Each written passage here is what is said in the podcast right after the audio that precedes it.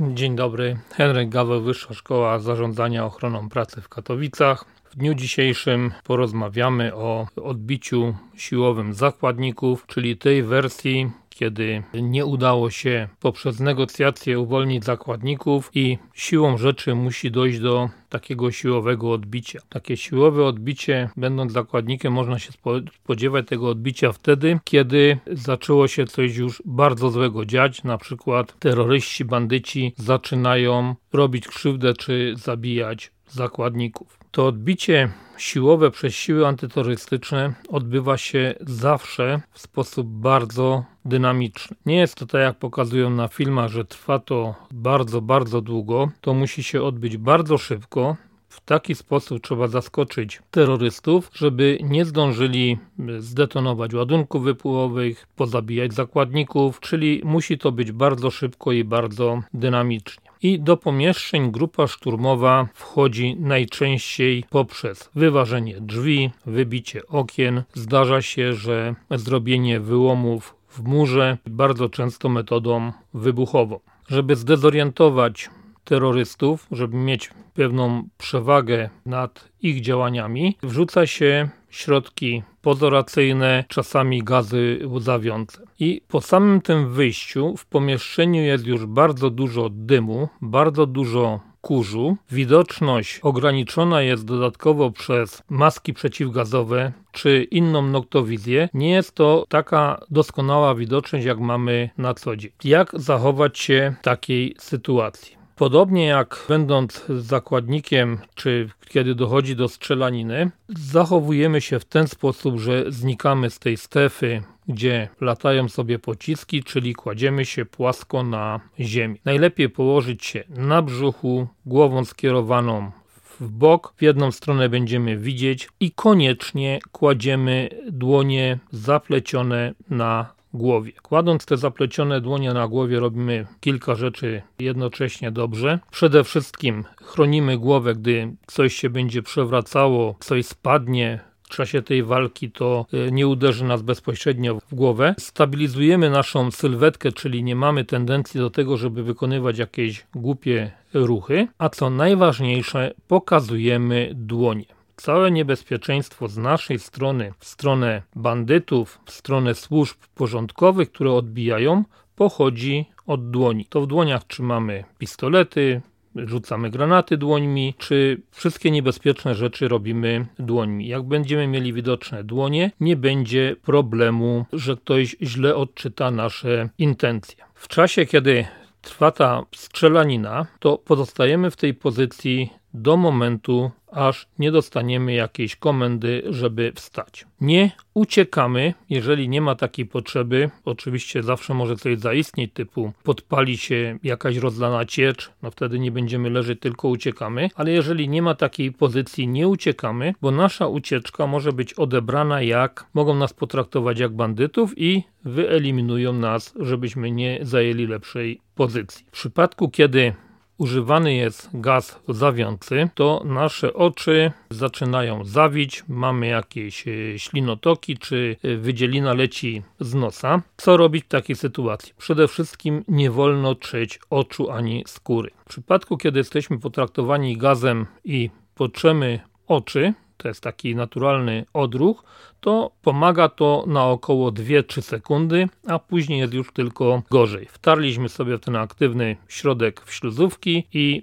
będzie tylko i wyłącznie gorzej. Jeżeli mamy jakieś ślinotoki, to nie połykamy tego. Nieważne, że będziemy nieładnie, nieapetycznie wyglądać, ale lepiej, y, jeżeli to wychodzi z nas na zewnątrz. W przypadku, kiedy zostaliśmy już uratowani przez siły porządkowe, to stosujemy się do wszystkich poleceń. Czyli jeżeli każą wstać, to wstajemy, nie powinniśmy zadawać żadnych pytań, nie powinniśmy się niepotrzebnie nie odzywać, aczkolwiek jest taki jeden wyjątek, gdzie powinniśmy przekazać informacje służbom ratunkowym, służbom antyterrorystycznym, które nas uwolniły, jeżeli terroryści zrobili nam jakiegoś psikusa czyli włożyli nam coś do kieszeni, podłożyli odbezpieczony granat pod ciało, czy założyli jakiś odciąg na nogę, na rękę. W tym wcześniej wspomnianym kurzu, dymie, kiedy ta widoczność jest e, bardzo ograniczona, można nie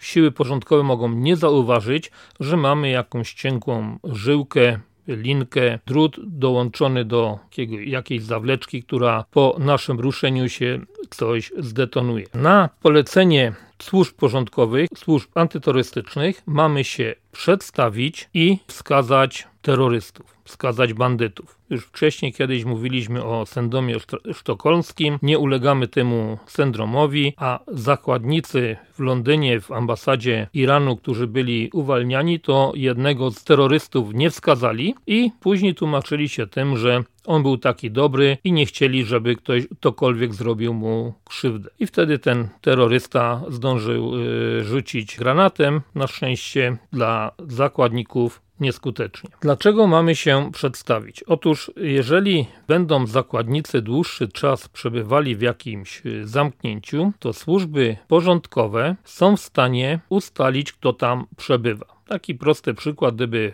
naszej szkole dostała się grupa terrorystyczna i zatrzymałaby w tej chwili tych, którzy są w szkole, to bez najmniejszego problemu można ustalić, kto tu jest zakładnikiem. I nie jest to tak jak na filmach, że pokazują, że antyterroryści zobaczą sobie zdjęcia osób, które są zakładnikami, zapamiętają wszystkich, bo to jest niemożliwe. Natomiast jest możliwe zapamiętać jedną, dwie twarze i z imieniem i nazwiskiem. I jeżeli taka pierwsza weryfikacja tych sił antyterrorystycznych, jeżeli wstajemy z ziemi, podnosimy się i jakiemuś antyterroryście będzie się wydawało, że to leży Kasia Kowalska, zapyta jak się nazywasz i ona wszczeli się to nazwisko, że nazywa się Kasia Kowalska, więc y, mamy już taką wstępną weryfikację, że nie jest to terrorysta, tylko jest to zakładnik i możemy w miarę polegać na jej wskazaniach, na jej zeznaniach, kto jest bandytą, a kto nie jest bandytą. Przypomnę, że zdarza się, że terroryści potrafią się przebierać, zamieniać ubraniami z zakładnikami, żeby utrudnić jakąkolwiek ich identyfikację. Do czasu, aż nie zostaniemy wyprowadzeni na zewnątrz, wszyscy zatrzymani, czy to terroryści, czy zakładnicy, będą traktowani bardzo podobnie, czyli jak będzie czas na to to zostaną skuci kajdankami i wyprowadzeni w kajdankach, a dopiero później zrobi się selekcję, kto był dobry, kto był zły. W czasie przed wyprowadzeniem zdarza się, że te osoby się przeszukuje. I to przeszukuje się głównie w celu znalezienia broni albo materiałów wybuchowych, bo bardzo głupio by było zgromadzić wszystkich zakładników później w jednym miejscu i ktoś z terrorystami i ktoś zdetonuje tam ładunek wybuchowy. Czyli bez zbędnych komentarzy poddajemy się przeszukaniu, a to przeszukanie czy sprawdzenie zawartości odzieży odbywa się najczęściej niezgodnie z kodeksem postępowania karnego, który nam gwarantuje, że mężczyzna będzie przeszukiwał mężczyzna, a kobietę kobieta. Natomiast większość antyterrorystów, zdecydowana większość to są mężczyźni, a zakładnicy statystycznie